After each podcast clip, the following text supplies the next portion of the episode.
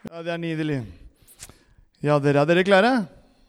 Nå, dere må finne seg sin bibel og åpne Bibelen i Apostelets gjerninger, kapittel 17.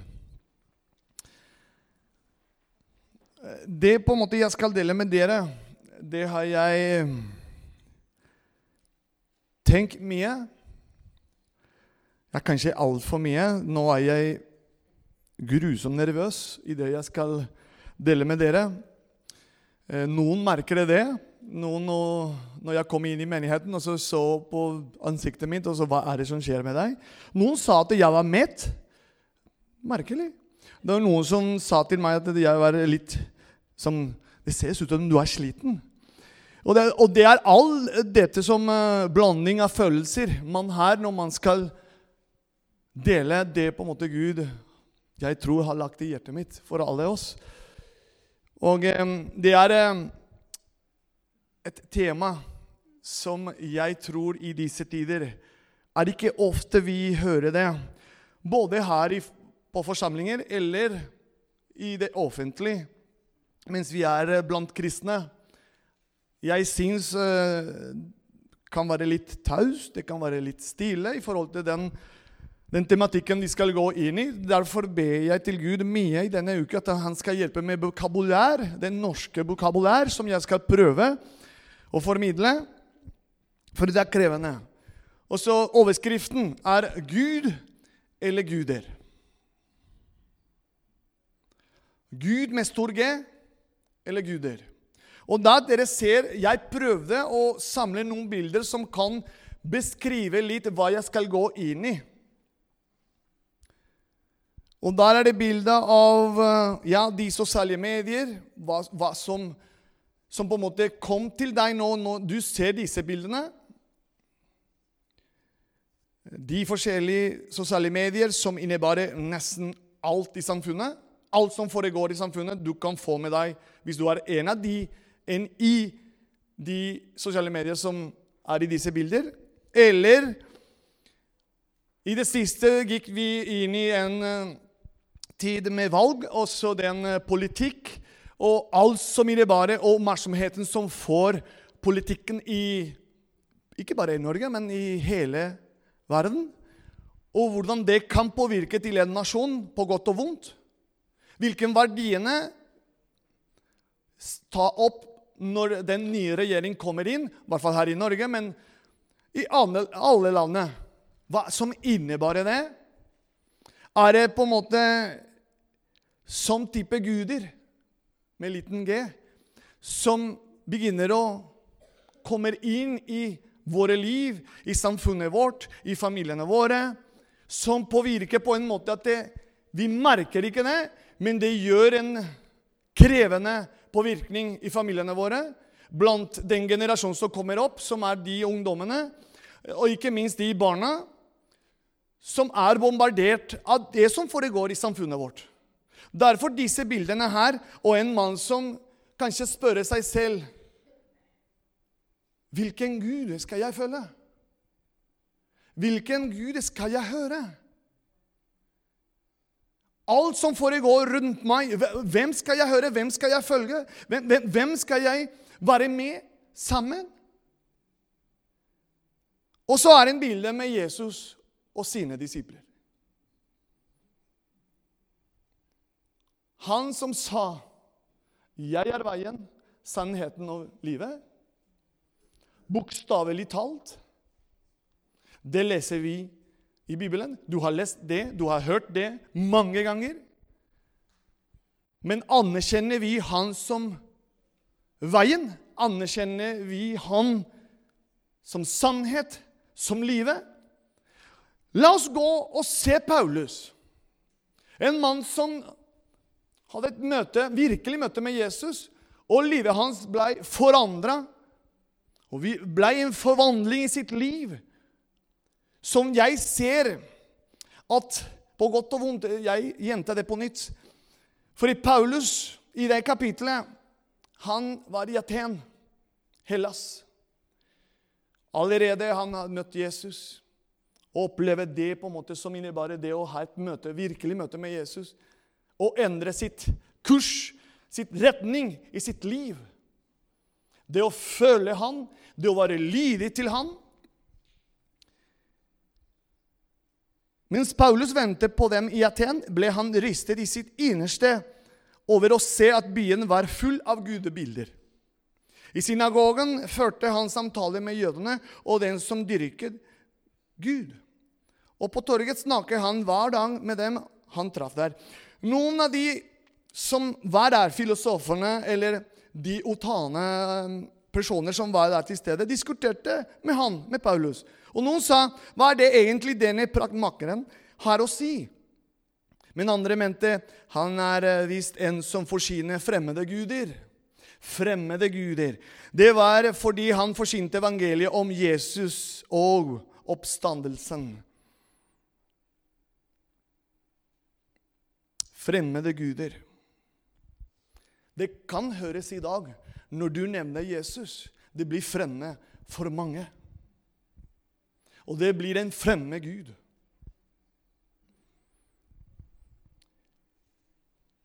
I vers 22 Neste bilde, Jon. Noen av de filosofene dere merker at jeg, klarer, jeg, jeg tør ikke å lese de, de, ordene som står der. Epikoreiske og stoiske filosofene diskuterte med han i forhold til den, hva, hva er det egentlig han forsyner, de fremmede guder. Så sier Paulus på en fin måte Atenske menn jeg ser at dere på alle måter er svært religiøse. For da jeg gikk omkring og så på helligdommene deres, fant jeg et alter med denne innskriften for en ukjent Gud. Det som dere tilbyr uten å kjenne, det forsyner jeg dere. Gud, han som skapte verden og alt som er i den han som er herre over himmel og jord. Han bor ikke i templer reist av menneskehender. Han trenger heller ikke noen av det som menneskehender kan tjene ham med. Det er jo han som gir liv og ånde. Ja, alt til alle. Av ed mennesker har han skapt alle folkeslag. Han lot dem bo over hele jorden. Og han satte faste tider for dem og bestemte grensene for deres område. Dette gjorde han for at de, du og jeg, skulle søke Gud. Om de kanskje kunne lete seg fram og finne ham? Han er jo ikke langt borte fra en eneste av oss. For det er i Han vi lever, beveger oss og er til som også noen av deres diktere har sagt, for vi er hans slekt. Fordi vi også er Guds slekt. Må vi ikke tenke at guddommen ligner et bilde av gull eller sølv eller stein, formet av mennesker, kunst eller tanke. Disse tidene med uvitenhet har Gud båret over, meg, over med. Men nå befaler han alle mennesker, hvor det en er, at de må vende om. Jeg gjentar det på nytt. At de må vende om. For han har fastsatt en dag da han skal dømme verden med rettferd ved en mann han har utpekt til dette. Det har han bekrefta for alle mennesker ved å reise han opp fra de døde. Da de hørte om oppstandelse, etter den lang tale, eller den samtale han hadde med de, de hørte det ordet 'omstandelse fra de døde' gjøre noen nær av han. Men andre sa, 'Vi vil gjerne høre deg tale mer om dette en annen gang'. Så det er mange elementer i det som foregår i den samtalen når Paulus er i Aten. Areopagos. Og så møter de filosoferne som er der til stede, og han forklarer, og han begynner å ta en samtale med de, som kanskje du og jeg kan ha en samtale med kollegene våre i den hverdagen vi møter i morgen. Og det kan høres på de andre sida at det kan bli fremmede guder. Det kan bli en ukjent gud for dem. Men Paulus fortsetter. Han stopper ikke. Han sier ok, greit, dere forstår ikke. Jeg kommer tilbake en annen gang. Han fortsatte i den samtalen han var inne i. Hvis vi går til Kolosserne, kapittel 1, vers 15 til 20 Hvem egentlig Paulus snakker om til disse filosofene, det er Jesus Kristus. Men det er et spørsmål som alle oss kunne stille, ikke bare på søndag eller en dag, men nesten Hvem er du, Jesus? Hvem er du, Jesus? Jo, vi kan finne definisjonen tydelig og klar i din bibel og min bibel. Og Paulus gir en av de mange definisjoner om hvem Jesus er egentlig. Kanskje den ukjent, den usynlige Gud som kanskje du har ikke kjent inntil i dag. Kanskje den usynlige Gud som kanskje du lurte på og spurte 'Jeg vil se deg, Gud'. Da Paulus skriver følgende i Kolosserne kapittel 1, fra vers 15 til 20. Han, Jesus Kristus, er den usynlige Guds bilde. Den førstefødte for alt det skapte. For i Han er alt blitt skapt, i himmelen og på jordet, det synlige og det usynlige. Troner og herskere, makter og åndskrefter. Alt er skapt ved Han og til Han. Han er før alt, og i Han blir alt holdt sammen. Han er hodet for kroppen, som er kirken. Han er opphavet, den førstefødte fra de døde. Så han i ett og alt kan være den fremste. For i han ville Gud la hele sin fylde ta bolig. Og ved han ville Gud forsone alt med seg selv. Det som er på jorden, og det som er i himmelen, da han skapte fred ved hans blod på korset. Mere konkret, tydelig, klart definisjon om hvem er Jesus, er her for deg og for meg. Det å utdype dette, det kan ta flere dager for å utdype definisjonen om Jesus. Men konkret sett, oppsummering Paulus gir oss i Kolossene han er den usynlige Guds bilde som mange av oss vil se. Vi vil se Gud, vi vil se Jesus. Men jeg skal gå inn i hvordan og når kan vi se Jesus? Hvordan betyr det Er det bare her i kirke? Jeg bare spør. Eller er det bare når jeg ber? Eller er det bare når jeg leser Bibelen? Når kan jeg høre, når kan jeg se Jesus? Hvis jeg føler hva Paulus sitt liv viser meg og lærer meg ja, Som et barn tenker han Paulus har bevist at Jesus er hele veien med han. Uansett omstendigheter. Alle dere vet hva Paulus gikk gjennom i sitt liv. Han satt i fengsel. Han blir spotta, han blir slått og alt. Men han var tydelig med dette med å følge og være lydig til Jesus.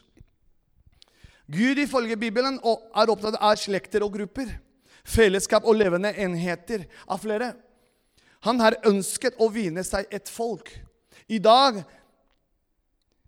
er vi i den vesle kulturen ekstrem individualistiske. Meg, meg, meg. Jeg, jeg, jeg. Det som betyr noe, er meg og mitt. Men nei, ordet disippel brukes lite i entall i Bibelen. Det står som regel om disipler i fältar. Det var en gruppe. Om denne gruppen av Jesus etterfølgere skriver Peter. Men dere er en utvalgt ætt, et kongelig presteskap, presteskap, et hellig folk, et folk til eiendom, for at dere skal forsyne Hans storhet. Han som kalte dere fra mørket til sitt underfulle lys. Vi vil bli kalt til å skinne det lyset Jesus er i oss. Vi ble, vi ble kalt til å være kanaler av det lyset. Spesielt den dagen i dag, eller i går, som i alle steder feirer den halloween. Vi har blitt kalt til å få skinne lyset, ikke mørket. Det var en liten paratens med det. Nå skal vi prøve. Og jeg ber Gud hjelpe meg med dette her. Når vi tar imot Jesus, når vi gir vårt liv til Gud, da blir vi ny skapning. Ja, hvor finner du det, Fernando? Da kan det komme det neste bildet. Og det, det, det er i Guds ord. Det er ikke noe jeg kommer med. Når du tar imot Jesus i ditt liv, når du gir ditt liv til Jesus, det starter en helt nytt retning i ditt liv. En ny kurs som det er han som leder deg. Det er han som på en måte skal veilede deg i det daglige. Gjennom sitt ord og gjennom den levende relasjonen du har bestemt til å ha med han. Paulus skriver den som er i Kristus, er en ny skapning. Det gamle er borte. Se, det nye er blitt til. Betyr jeg var den veien uten Jesus. Jeg gir mitt liv til Jesus. Metanoia, det er å vende om til den retning hvor Jesus sier 'Følg meg, Fernando. Nå er vi sammen. Nå er vi et lag. Kom igjen, nå er jeg treneren din.' Kom igjen når du blir sliten. Jeg er ved deg, og jeg skal støtte deg ved mitt ord, med min ånd. Og så, så står vi sammen. Og det er ikke bare deg. Det er hele familien din også. Er det det, Jesus? Ja. For hele ditt hus skal bli frelst. Stå der også. Er vi med? Det er det ene. Og når vi er ny skapning, da er det noe som er tydelig i forhold til hva, hva skal begynner vi å søke? Når jeg er en ny skapning, hva skal vi begynne å søke? Skal jeg søke det som er i verden, eller skal jeg søke det som er der oppe? Og Jesus og Paulus er veldig tydelige med dette. I Kolosserne kapittel 3 det står følgende Er dere da reist opp med Kristus, så Hva står det der? Så søk det som er der oppe. Hvor Kristus sitter ved Guds høyre hånd. La sinnet være vendt mot det som er der oppe, og ikke mot det som er på jorden. Jorden, verden, det som foregår i dag i det daglige i samfunnet vårt. Hvordan vi blir bombardert i, gjennom nyhetene og sosiale medier. Husker dere den bildet som vi startet eh, i kveld? Til innledning. Det er det som foregår hele veien. Skal vi søke der? Eller skal vi søke det som på en måte Paulus og også Jesus sier i sitt ord? Når vi søker det som er der oppe, det som er Guds vilje Jeg tenker på den, den dagen hvor Jesus, og vi leser det, han blir frista av Satan. Han kunne bli altså Jeg tenker all det Satan, også djevelen, gjorde den dagen i forhold til hvordan han inngriper Jesus sitt liv, og i den oppstendigheter Jesus er i. Sliten, sulten. Og så kommer djevelen og sier aha, nå kan jeg ta han. Og ikke bare at han vil ta han, men at han bruker Guds ord. Og det er det som vi ser i dag også i samfunnet, at vi vil bli dratt til en bølge hvor det som er populær, det som er kull Og jeg skal ikke gå inn i, men det er mange organisasjoner og en bevegelse som reiser seg opp til å forvirre Guds folk. Og det er det djevelen viser meg i Matteus 4, hvor Jesus er tydelig og konfronterer tilbake med Guds ord. Og la seg ikke manipulere på det djevelen vil nå. Og det er å få oppmerksomheten, gir makt til han. Og hvor mange av oss liker å ha litt makt eller kontroll? Og det er det djevelen kommer til Jesus og vil tilbe det. Men Jesus i, det, i, det, i den kapitlet i kap Matteus 4 han er tydelig. Han er beint tydelig. Men den kaller han her. Og Derfor kanskje er en kall til alle oss et, et, som en slags alarm at de organisasjoner, de bevegelser som reiser seg i dag som alt av kjærlighet. Bruke til og med Guds ord til å manipulere, til å forvirre deg og meg. Misbruke Guds ord til å forvirre våre barna. Derfor skal vi søke hjelp med det som er her, eller skal vi søke hjelp til det som er der oppe? Som er Guds ord. Som er det åpenbaring av Hans ord gjennom Den hellige ånd. Vår kamp, folkens, og det er den kampen vi står inn i hele tiden, er ikke mot kjøtt og blod. Det er ikke mot person. Jeg gjentar det på nytt. Jeg er ikke her etter personer. Nei. For Gud elsker alle uansett. Jeg går etter intensjonen av djevelen gjennom makter og myndigheter, som vi ser i Festerne 6. Paulus skriver veldig tidlig det. For vår kamp er ikke mot kjøtt og blod, men mot makter og åndeskrefter. Mot verdens herskere i dette mørket. Mot ondskapens ånde her i himmelrommet. Så det er ikke bare bare, folkens. Vi er i en konstant kamp i den åndelige verden, i det som foregår rundt oss. Og hva hører vi, og hva ser vi, og hvilk, hvilken person eller organisasjon følger vi? Vær obs på det, folkens. Hele tiden. Det er konstant. Han gir ikke seg. Det står også der at han sover ikke. Han står rundt omkring. Han kom for å stjele, drepe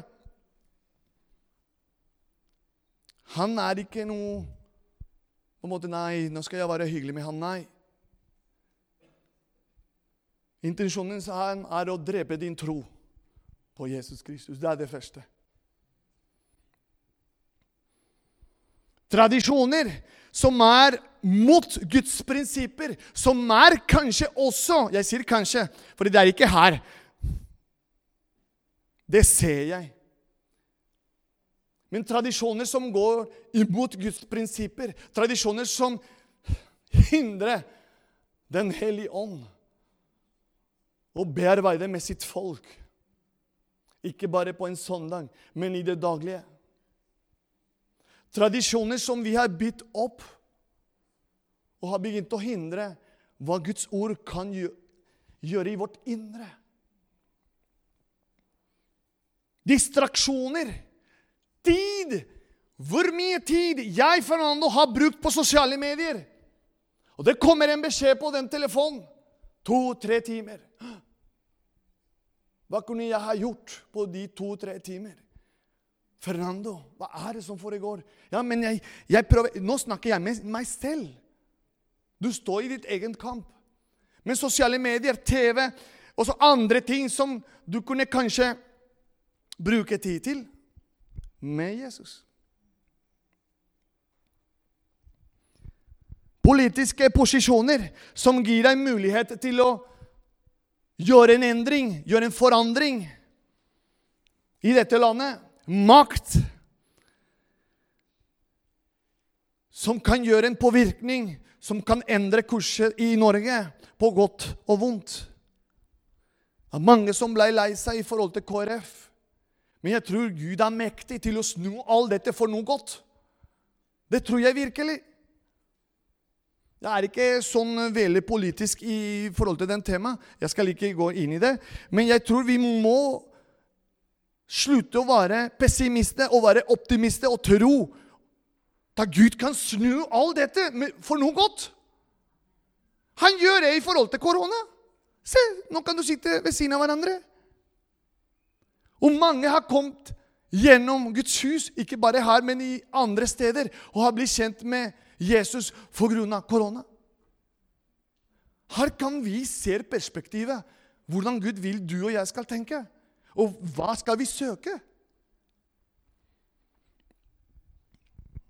Jesus sa tidlig i Matteus 7 La oss gå der. Matteus 7. Jeg tror jeg har ikke den i de bildene, fordi jeg har lyst til å gå der, og alle skal finne det. Jeg tror jeg har ikke den bildet, John. Matteus 7, vers 21. Det er mange av oss som kanskje håper den, eh, den bibelteksten. Fordi den er så krevende. Den er så sterk at du og jeg kan sitte og reflektere over det dag etter dag. Jesus sier, 'Ikke alle som sier til meg, Herre, Herre, skal komme inn i himmelens rike.' 'Men den som gjør min himmelske Fars vilje.' Mange skal si til meg på den dag, 'Herre, Herre, har vi ikke profetert i ditt navn?' 'Drevet ut demoner i ditt navn' 'og gjort mange kraftige gjerninger i ditt navn'? Men da Jesus skal si, 'Jeg bekjenner for dem, jeg har aldri kjent dere'. Hallo, aldri! Jeg har aldri kjent dere. Gå bort fra meg. Dere som driver med lovthet. Men da kommer vers 24. Dere. Og det som er interessant her Derfor vær den som hører disse mine ord og gjør etter dem, han vil jeg sammenligne med en klok mann som bygde huset sitt på fjell. Å, så da skal jeg høre og gjøre For det står der. Høre disse mine ord og gjøre etter dem. Så det er ikke bare å høre, men å gjøre.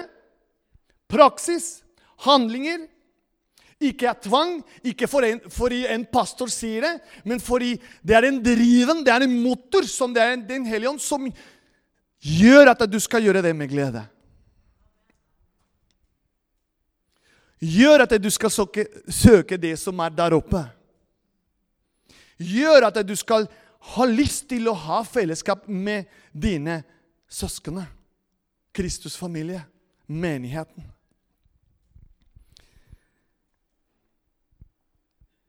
Onde krefter søker det som er der oppe. Du er en ny skapning i Kristus. Og når du er en ny skapning i Kristus, alt det gamle er borte. Nå har det blitt nytt. Alt. Og det er en vandring, det er en prosess alle oss skal gå igjennom, folkens. I Johannes kapittel 17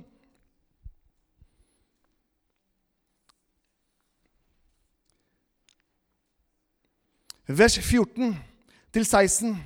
Jeg har gitt dem ditt ord, men verden har lagt den for hatt. Hm. De er ikke av verden, slik heller ikke jeg er av verden. Jeg ber ikke om at du skal ta den ut av verden, men at du skal bevare dem fra det onde. De er ikke av verden, slik jeg ikke er av verden. Så dere, kjære forsamlinger, sorry, men vi skal leve i denne verden. Men vi er ikke av verden. Siv Hege var inne i noen sånne dager tidligere. Og det er kraftige saker, for vi må leve her. Men vi er ikke herfra.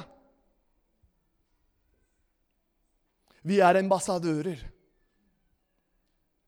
av den dimensjonen Gud viser oss gjennom Jesus og gjennom sitt ord og gjennom sin Hellige Ånd. Hvilken dimensjon gleder du deg til til å leve? Det er et valg du og jeg må ta. Ikke på en sånn dag, men det er hver eneste dag av ditt liv. Hver eneste dag du puster, da er det en mulighet til å velge hvilken dimensjon skal jeg leve inn i. I Romerne 12,2 det står Innrett dere ikke etter den nåværende verden. Jeg tror dette er en profetisk budskap til menigheten i kveld. Innrett dere ikke etter den nåværende verden, men la dere forvandle ved at synet fornyes, så dere kan dømme om hva som er Guds vilje, det gode, og det som er til glede for Gud, det fullkomne. Nå vil jeg vise dere to video som tror kan gi en liten sånn bilde av det som på en måte er i det offentlige. Det som på en måte som Gud kan gjøre om du er på vakt, om du er villig. På godt og vondt, på godt av, at, at de tankene som foregår inni deg der og der når du sitter i den situasjonen. Den første videoen, det er en Og jeg Parentes. Så dere vet at jeg var fotballspiller tidligere, og det var det min gutt var tidligere. Det var det jeg var avhengig av. Det var min arbeidsplass, og det var min Gud. Men i mai 2002 møtte jeg med min fro og tok imot Jesus. Og da snu hele retning. Og da Jesus er min Gud Fotball, fotball ble en kanal, et plattform, til å forsyne Guds ord. Det er en stor forskjell. Hva gjør du med det redskapet Gud har gitt deg, der hvor du er? Så denne mannen som dere skal høre nå, det er en eh, keeper fra Kristiansund som jeg så i det offentlige nettsider når jeg begynte å undersøke. Det er på Eurosport. Og jeg hørte faktisk det i dag. Jeg visste ikke om det. Men når jeg hørte hva han sa i den sekularkanal Hvis man kan si det sånn. Og så følg med. Kan vi kjøre på, Jon? Herlig. Er det ikke fantastisk? Hæ? Nå kan jeg gi deg plass til Jesus, for det er han som gjør det.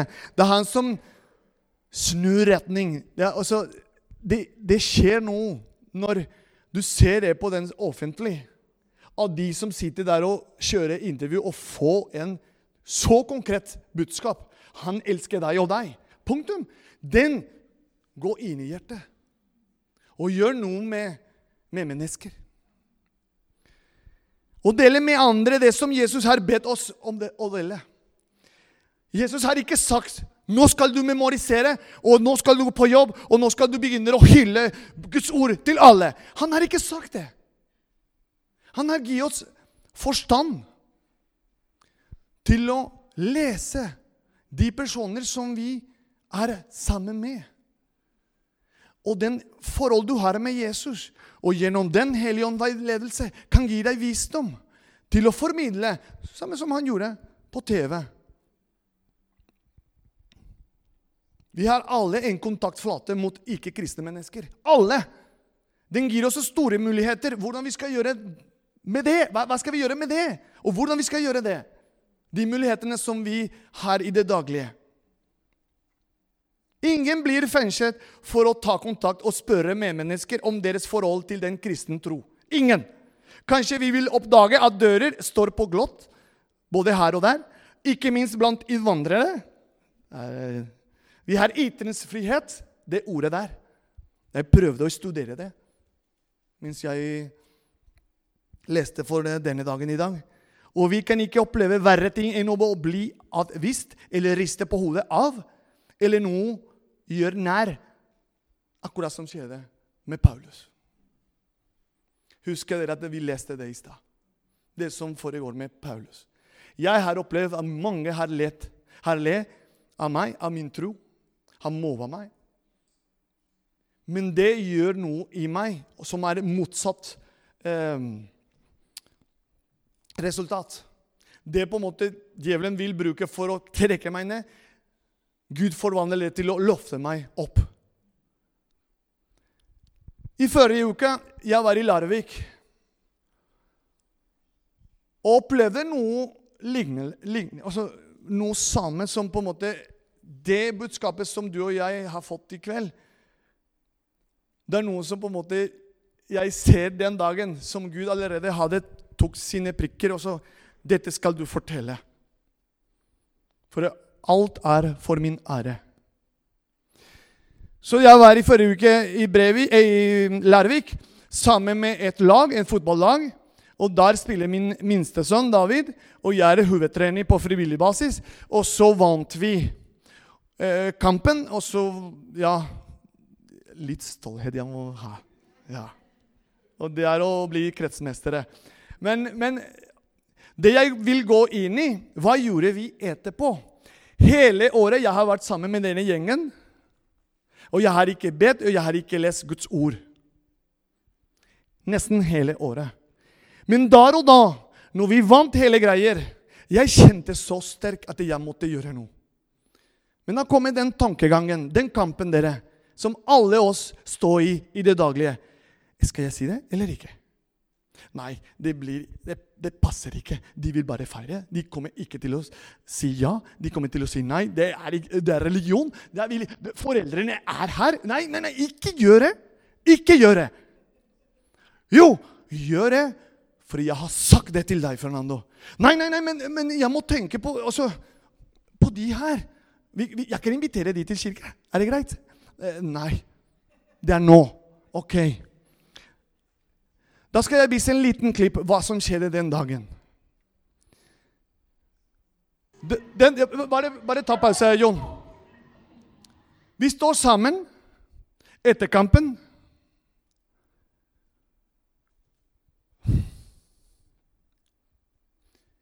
Og jeg ser hele gjengen sammen. Og alle foreldrene står rundt. Med kamera, med telefon og alt. Hva skal jeg gjøre? Jeg sier jeg tar sjansen, Gud. Og se hva som skjer. Kom igjen, Jon.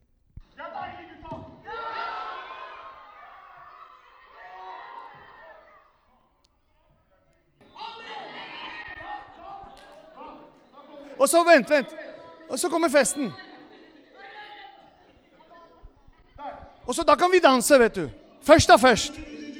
Og så da, da, begynte vi å danse og feire. Men det første som skjedde, er at når jeg ba og var ferdig, og alle samtidig sa amen Da tenkte jeg den lille, kort, takknemlige bønn som jeg gjorde Gud kan forandre det i hver eneste hjerte og sjel som hørte det.